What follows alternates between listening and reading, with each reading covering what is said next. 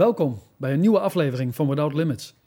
Matthäus 19, vers 26 zegt: Bij de mensen is het onmogelijk, maar bij God zijn alle dingen mogelijk. We hebben een God, Without Limits. Bij mij aan tafel weer Jacob Keestra. Jacob, welkom bij Without Limits. Dank je.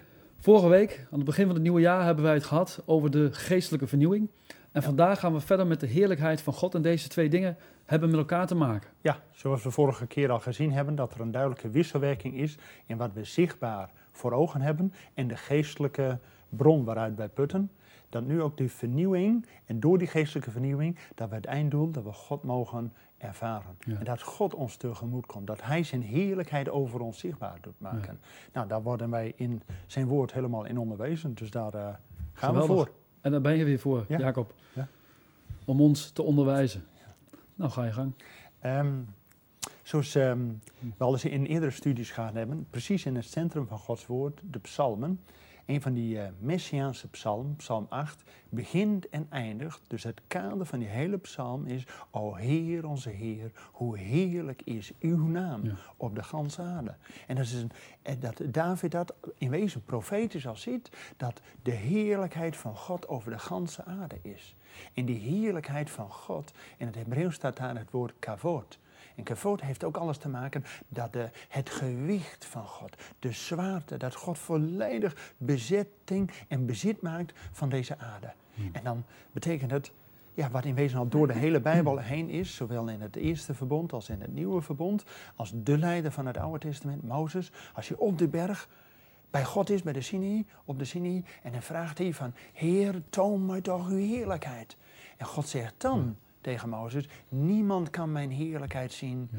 en leven. Ja. En dan zien we dan in het nieuwe verbond dat het woord wordt vlees en heeft onder ons gewoond. Zullen we aan het begin ook die tekst lezen uit Johannes Ja. 1? Dat God ons wel iets zichtbaar maakt van wie hij is. Door zijn woord in zijn zoon. Daar staat, hè, de bekende tekst. In het begin was het woord en het woord was bij God en het woord was God. Ja, en dan vers 14. Vers 14 zegt dan, het woord is vlees geworden en het heeft onder ons gewoond en we hebben zijn heerlijkheid aanschouwd. Een heerlijkheid als van de enige geborene des vaders, vol van genade en waarheid. Ja. ja prachtige tekst. Ja, want hier draait het om. Ja. Want zowel Mozes in het eerste verbond, maar ook de discipelen van Jezus, die vragen maar één ding: toon ons de Vader. Ja. En het is ons genoeg. En dan zegt Jezus: wie mij gezien heeft, heeft de Vader gezien. En de, hier, wat we hier in Johannes 1 lezen, het woord is vlees geworden, heeft onder ons gewoond en we hebben de heerlijkheid van God gezien, vol van genade en van waarheid. God wil dus ook waarheid in ons leven. En dat doet hij door zijn genade, door zijn mercy, door het volbrachte werk van diezelfde zoon die vlees is geworden. Dus onder ons gewoon heeft, wat vanuit de hemel dus onzichtbaar voor ons, geestelijk, fysiek zichtbaar in de gestalte van de zoon, Jezus. Ja, ja. Dus je ziet iedere keer wat we de vorige keer ook gehad hebben, de wisselwerking tussen het natuurlijke en het geestelijke. Ja. En begint dat we geestelijk vernieuwd worden, zodat we dat dan ook in het natuurlijke mogen ervaren. En dan gaat het door, want daar hebben we het vorige keer nog over gehad. Eén ding doen, het vergeten dat wat achter ligt en, en mij uitstrekken naar wat voor mij is. En ik richt mij op de prijs die van boven is. Dus dat God ons tegemoet komt. En niet zomaar iets dat hij in zijn zoon naar ons komt. En dan staat het door dat hele Nieuwe Testament, ook bijvoorbeeld in Colossense 1, Christus is onder u de hoop der heerlijkheid. Dus God geeft ons visie dat we in Christus de heerlijkheid van God mogen ervaren. Maar tegelijk staat er ook in het Nieuwe Testament wat dan onze positie is, wat onze situatie, wat onze omstandigheden zijn. In Romeinen 3 staat, allen hebben gezondigd en derven de heerlijkheid van God. Dus onze situatie als mensen is dat we het, ja, de heerlijkheid van God missen. Dus hoe komen we nou weer in die volledige ja, eh, beeld van God Door dorstig te zijn, hè? dat hebben we de vorige keer gehad. door dorstig te zijn, Ja. nader tot God en Hij de- nader tot ons. En Hij is al tot ons genaderd in Jezus. En daarom is ook die tekst, Christus onder u, de hoop der heerlijkheid. Want in de wereld is er geen hoop. Daarom komt het juist bij ons als christenen en in de gemeente, omdat wij de hoop der heerlijkheid hebben. Dus we hebben een toetje voor hun. Ja. Ja, daar komen we toch voor. Prachtig. En dan wordt ook in de Hebreeënbrief direct een uitnodiging gedaan dat Christus is gekomen om velen tot heerlijkheid te brengen. Dus niet alleen in een herstelde relatie met God, maar ook door ons leven in die heerlijkheid. Dus Jezus wil ons eigenlijk uitnodigen, ga achter hem aan. Hè? Die doorbreker hebben we vorige keer gezien, Micha 2 vers 13. De Heer aan de spits, de koning voorop. En dat wij hem volgen en dat hij dat einddoel, dat de heerlijkheid van God over ons is. De prijs der roeping God die van boven is. Kijk, en dat wordt door de hele Bijbel ook in het eh, natuurlijke weerspiegeld.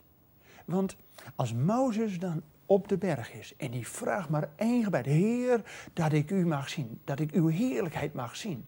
En wat toont God hem dan? Een model van de tabernakel.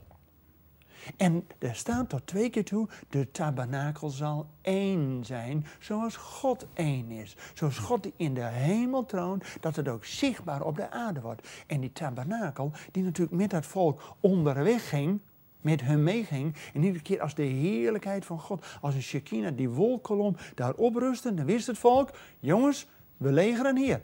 En als de heerlijkheid van God, die wolk weer omhoog ging, dan wist men inpakken en we gaan de heerlijkheid van God achterna. Dus we gingen van oase tot oase. Maar ook in het beloofde land, dan is die tabernakel, die tent, dat God onder ons kon wonen en zijn tent over ons uitspreidt, die wordt op een gegeven moment een tempel.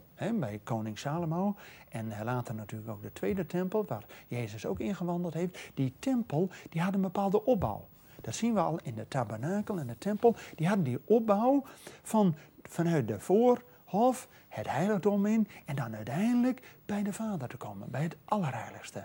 En we worden dus uitgenodigd om ook ja, die heerlijkheid van God, hè, dat we dorstig zijn, dat God ons vult met zijn eigen heerlijkheid, dat God over ons komt, dat zijn geest het in ons gaat doen. Vorige keer hadden we het al over dat God ons tijdens de, de rit ons de, zeg maar, de zichtbare tekenen geeft van een banier en een bazuin. Ja. dat we hoorbaar en zichtbaar de strijd aangaan. Dat al die apen en beren op de weg, dat die overwonnen zijn doordat God voor ons uittrekt. Wanneer wij de chauffeur blazen, dat God aan zijn beloften Dat hij voor ons zal strijden. Hij zal voor ons strijden. En nu zien we precies dezelfde opbouw. Als we bijvoorbeeld in Psalm 100 lezen, dan eh, wordt die tempel en ook die tabernakel wordt op een bepaalde manier, kom je tot de troon van genade, tot de ark. Waar het verzoendeksel is. Dus waar de verzoening is, zodat het tussen God en ons hersteld is. En dan staat er in Psalm 100, zou je dat willen lezen, vers 4 en 5? Ja, daar staat. Gaat met een loflied zijn poorten binnen, zijn voorhoven met lofgezang. Looft hem, prijst zijn naam. Want de Heer is goed en zijn goede tierenheid is tot in eeuwigheid en zijn trouw tot in verre geslachten. Ja, amen. Kijk, en daar wordt in het Hebreeuws twee verschillende woorden gebruikt. Er staat, uh, gaat met een danklied zijn poorten binnen. Een danklied, dat is in het Hebreeuws toda. En toda zeg je tegen alles en iedereen, ook in Israël, van bedankt. Okay. Dank je wel. Ja, ja. Toda rabba, heel veel dank. Dank u zeer. En toda, dank je, doe je met je volle verstand. Want het geloof berust niet op emoties, dat we van de ene hype naar de andere moeten. Nee, want nou ja, voordat je weet zit je in, de, in een depri. Nee, maar het geloof is juist door het horen en het horen van het woord van God, die in ons geopenbaard wordt door Christus. En wat is onze reactie? Want God komt natuurlijk met zijn woord tot ons. Onze reactie is dat we gehoor geven door het geloof. En door het geloof weten we dat we een kind van God zijn. En dan zeggen we met ons volle verstand: Heer, dank je wel Dank u, ik was een zondaar, maar ik ben nu gered. Dus ik ga het koninkrijk van God binnen, zeg maar fysiek voor te stellen, als de, de, de stad Jeruzalem, door de poort, ga je met een dankzegging. Heer, ik dank u, ik was dat, maar dank u wel dat u dat voor mij gedaan hebt. Dus ook als je de Heer gaat danken, om wat hij gedaan heeft. Heer, u hebt mij van mijn zonden bevrijd. U hebt dit voor mij gedaan. Dus alles wat God gedaan heeft, kun je met je danklied benoemen. En dan word je opge, uh, of uitgenodigd om verder de voorhoven in te gaan met een loflied. En een loflied staat er in het Hebreeuws dat dat met een tehila. En tehila is het hele Bijbelboek van de psalmen, tehilim. Het Hebreeuwse woord tehila of tehilim, meervoud, is de psalmen. Dus met een psalm, met een lofprijs, waar we ook die shofar hadden, hè, met een lofprijs gaan we de voorhoven binnen. Dus met een dankzegging, rationeel, Heer, dank u wel wat u voor mij gedaan hebt. Het oude is afgelegd, dus je hoeft ook niet bij je gevoel van, oh, ben ik nou wel een kind van God? Nee, je weet met je volle verstand, ik was een zondaar, maar nu ben ik een kind van Het de Heer. oude is voorbij gegaan, het nieuwe is gekomen. Amen. Dus vandaar ook de vorige keer die oproep. Eén ding doe ik, vergetende het oude en mij uitstreek naar het nieuwe. Dus dat keerpunt. En dan dat nieuwe, dat, die geestelijke vernieuwing, is ook dat je het moet willen. Ik wil de Heere Ja, prijzen. het is een keuze. Bestendig is zijn loflied in mijn hart en in mijn mond. Dus, en waar het hart vol van is, gaat de mond van overstromen. Maar dan kom je nog maar tot de voorhoven.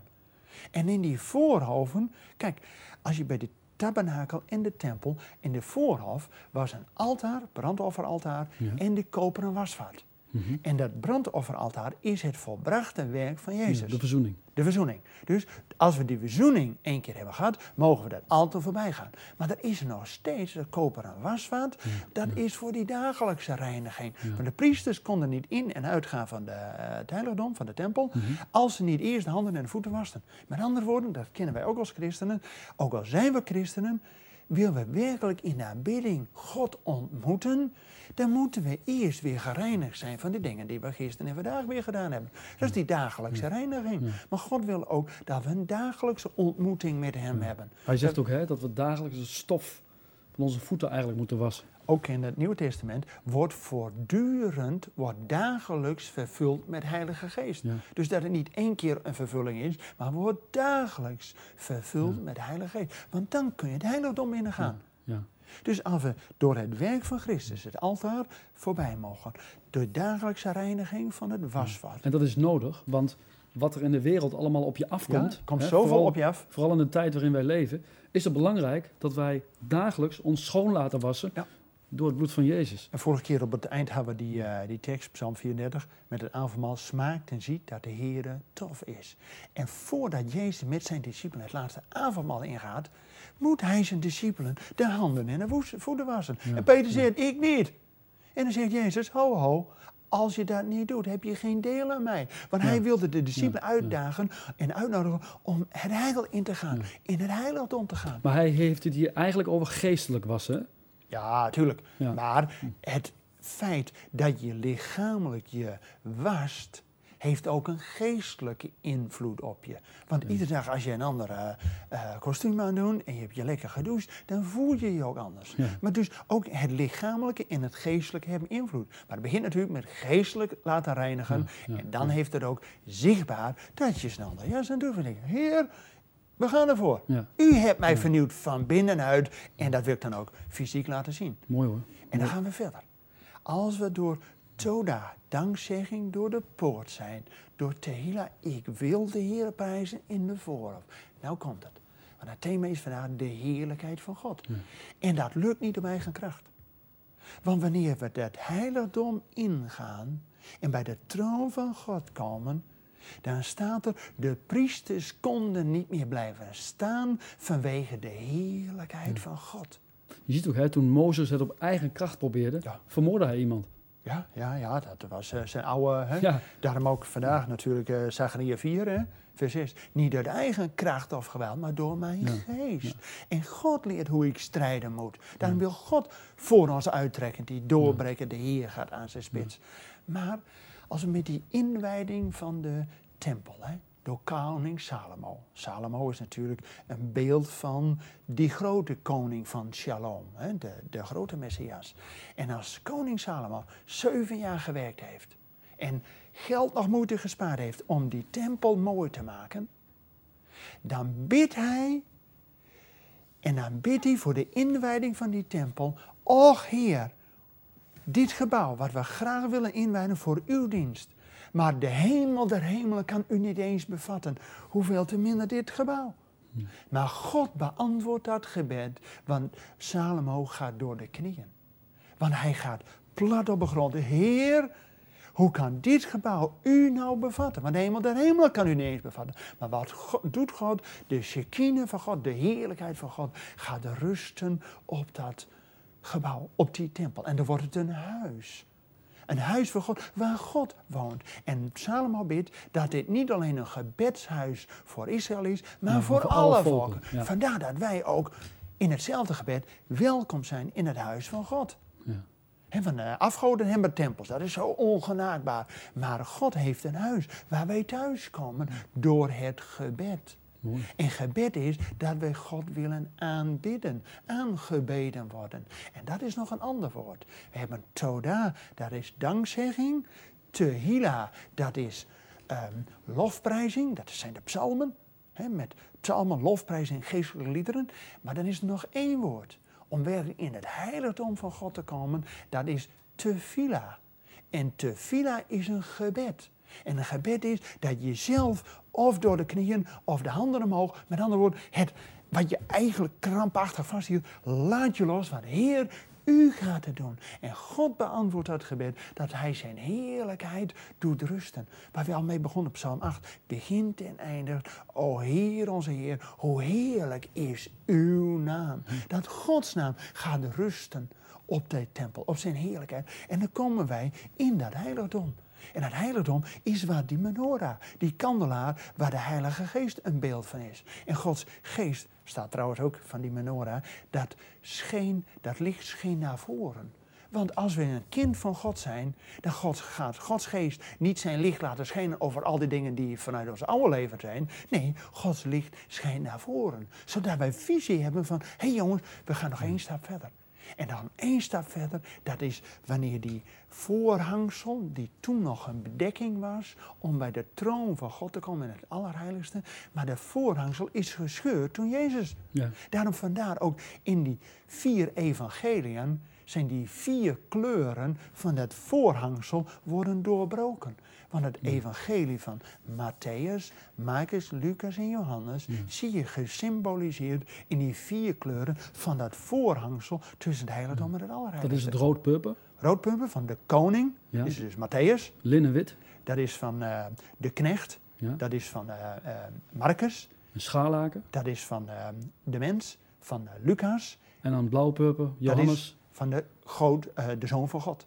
Dus die vier kleuren, rood-purper, scharlaken, wit linnen en blauw-purper, zijn in wezen gesymboliseerd in het de vier evangelieën, die maar één ding zeggen: het voorhangsel, de bedekking is nou weg. We mogen tot de troon van genade. Daarom hebben we gelezen Matthäus, nee, Johannes 1, bij hem zijn heerlijkheid aanschouwd, vol van genade en waarheid. In genade, op de troon van genade komen. Nou, hoe kunnen we anders vol van genade Jezus zien, als we de troon van genade niet zien? Dus door Jezus is dat voorhangsel weg, dat we werkelijk zien wie God is. Genadig, langmoedig, dus goede tieren en trouw. Hij blijft ons ook trouw. Nou, het gaat eigenlijk wel heel diep, hè? Ah, ik vind het geweldig. Prachtig. En dan worden wij ook opge roepen door God zelf, dat we ook zelf in de heerlijkheid van God mogen delen. Want Jezus kwam om ons en velen tot heerlijkheid te brengen. Als wij het beeld van Christus mogen ja, tonen in de wereld, dat de heerlijkheid van God op ons rust, dat de wolkolom of de vuurkolom dag en nacht, want bij God is er geen tijd, in die zin, dag en nacht gaat God voor ons uit. Daar de heerlijkheid van God in ons woont. Zodat we dat ook mogen ja, doorstralen dat, dat is ook aantrekkelijk hè, voor de wereld. Ja, maar toch, toch nog een opmerking daarin. Soms denken wij in de christelijke gemeentes wel eens dat we te makkelijk van dankzegging, lofprijzing in de aanbidding komen. En van, en eh, dan zeggen we in de zangdienst, oh, we gaan lofprijzen in de bidding. Ik denk dat we daar heel duidelijk een onderscheid in zien. Dat we God met onze verstand kunnen danken van wat Hij gedaan heeft. Dat is wat God gedaan heeft. En als we God willen prijzen om wie Hij is, dat Hij goede tieren, trouw, barmhartig is, dat is wie God is, gaan we verhogen in onze lofprijs. We willen met heel onze wil, willen we de Heere prijzen. Hmm. Maar dan komt het dat is ook wat we de vorige keer hadden. Dingen wat hoorbaar, wat zichtbaar en dan pas ervaarbaar in ons hart. Want bij God gaat het over heel ons wezen. Niet alleen ons verstand, niet alleen onze wil, maar ons hart. In ons hart betekent wanneer Gods geest daar woont, dat God door zijn geest in ons hart woning maakt en dan onze mond doet overstromen van dankzegging, lofprijs en aanbidding. Dan betekent het, net als met koning Salomo, die ging voorover, die ging plat door de knieën, dat God ging het overnemen. Want met dankzegging en lofprijs is het nog uit eigen kracht dat we doen, want wij willen de Heer prijzen, maar als we in de aanbidding komen, gaat God het overnemen. Dan geeft God ons een nieuw lied. En we worden in de psalmen tot twee keer toe opgeroepen om zing de Heer een nieuw lied. Psalm 96, Psalm 98, maar ook in het Nieuwe Testament, allerlaatste Bijbelboek, openbaring. En die verlosten, die zongen een nieuw lied.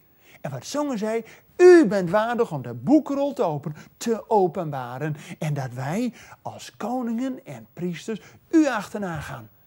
Nou, de koning die regeren over de omstandigheden, maar we leven niet onder de bedoet, we leven boven de omstandigheden. We mogen heersen. En we leven als priesters die met die lofprijzing de aanbidding tegemoet gaan. Dat God dat gaat overnemen. Ja, dat is wat Psalm 8 zegt, begin en eindigt. Hoe heerlijk is uw naam op de ganse Ja, daar verlang ik naar. No. Ja toch? En als je dat uitstraalt, ben je tot een zegen. Ben je tot een priester. Maar die gingen ook zegenen omdat ze zelf bij het genade uh, verbond bij, bij de troon van God geweest zijn. Maar ik bedoel ook, hè, als, als wij inderdaad dat ook uitstralen, hè, dan is het aantrekkelijk voor de wereld om ook eens hè, naar een gemeente te gaan om het eens te onderzoeken. Hè, wat hebben die mensen wat ik niet heb? Ja, En zo kunnen wij ook een getuige zijn. Maar het betekent net als de vorige keer dat we eerst uitgedaagd worden om die geestelijke vernieuwing van God te ervaren en dan in het zichtbare dat uit te werken. En dat is ook als we door dankzegging, lofprijzen en bidden bij de troon van God zijn, dat de heerlijkheid van God ja, in ons hart gaat werken. Dan hebben we ook woorden om God te prijzen. Dan is lofprijzen helemaal niet moeilijk meer. Maar dan ga je het heiligdom weer uit, de wereld tegemoet, met een lofprijs op je hart. Dus ik denk als we ook in, in de gemeentes, dat we uh, dankzeggen, lofprijzen naar de verkondiging. Maar de verkondiging wil zeggen dat het woord van God is over ons geopenbaard, vol van genade en waarde. Dat we woorden van God krijgen om vervolgens God in de aanbidding ja, te aanbidden. Ja, ik denk dat veel gemeentes nog een, uh, in die zin een, een, omkering moeten hebben. Dat we niet zomaar uit eigen kracht van lofprijzing in de bidding gaan. Van lofprijzen, we willen je prijzen, maar dat we bidden dat God ons zijn woord aanreikt. En dan hebben we nieuw woorden, nieuwe liederen, een nieuw getuigenis om God werkelijk te aanbidden in geest en in waarheid. Maar God zoekt dat we Hem aanbidden, niet door eigen kracht of geweld, maar in geest en in waarheid. En dat we dat ook in de wereld laten zien. Ja, daar verlang ik naar. Ja. En hij, hij, wil die waarheid eigenlijk ook in het verborgene. Ja. want eh, we kunnen wel prijzen de halleluja in de gemeente, maar hoe zijn wij als wij privé alleen zijn en er is niemand bij ons en noem het allemaal maar op. waarheid in het verborgen is ook heel belangrijk.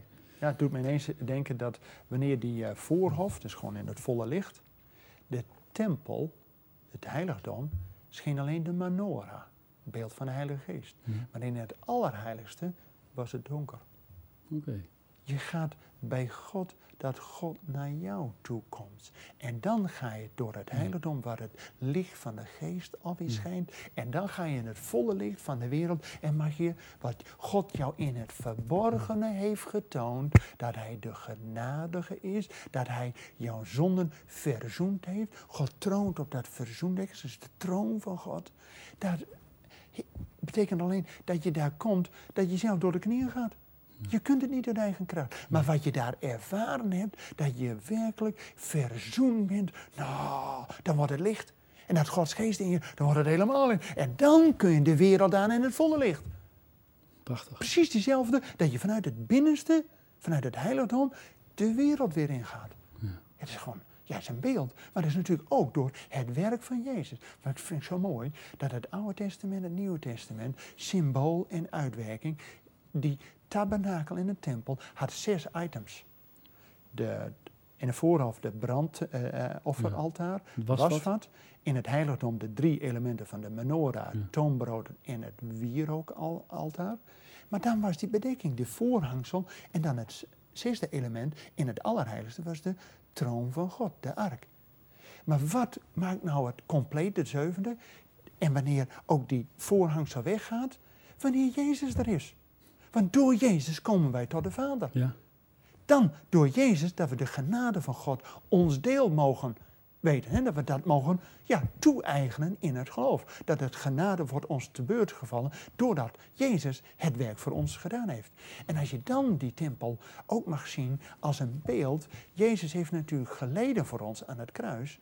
Maar die heeft op zeven manieren in zijn bloed uit zijn leven, uit zijn lichaam gegaan. Hij werd geslagen en, en zo'n doornenkroon op het hoofd. Nou, dat was geen pretje, dat, het bloed eh, kwam eruit. Hij werd geslagen op zijn rug, de striemen. Mhm. En dan werd hij met een speer in zijn zijde, waar bloed en water uitging. Maar hij werd ook doorboord aan zijn handen en zijn voeten. Dus op zeven plekken in het lichaam van Jezus stroomde het bloed. Want door het bloed is er vergeving. En als je dan die tempel in het tabernakel weer ziet, dat het altaar, dus bij de troon van God, de ark, is het hoofd. God is het hoofd. En dan heb je de menorah, is het beeld van het hart. En dan de toonbroden, wat je gaat doen met je handen. En dan in het eh, voorhof had je dan ook dat wasvat, wat is dus reiniging van je handen en je voeten. En dat altaar voor het volbrachte werk van Jezus. Dus ook die zevenvoudige elementen in totaal, doordat Jezus het compleet maakt, is een beeld dat we als hele mens gereinigd zijn en een dienst in de wereld hebben. Als heel geheelde mensen. Omdat we één zijn naar geest, ziel en lichaam. Ons verstand, onze wil en ons hart doet mee in dat God zijn heerlijkheid in ons verstand, in onze wil en in ons hart.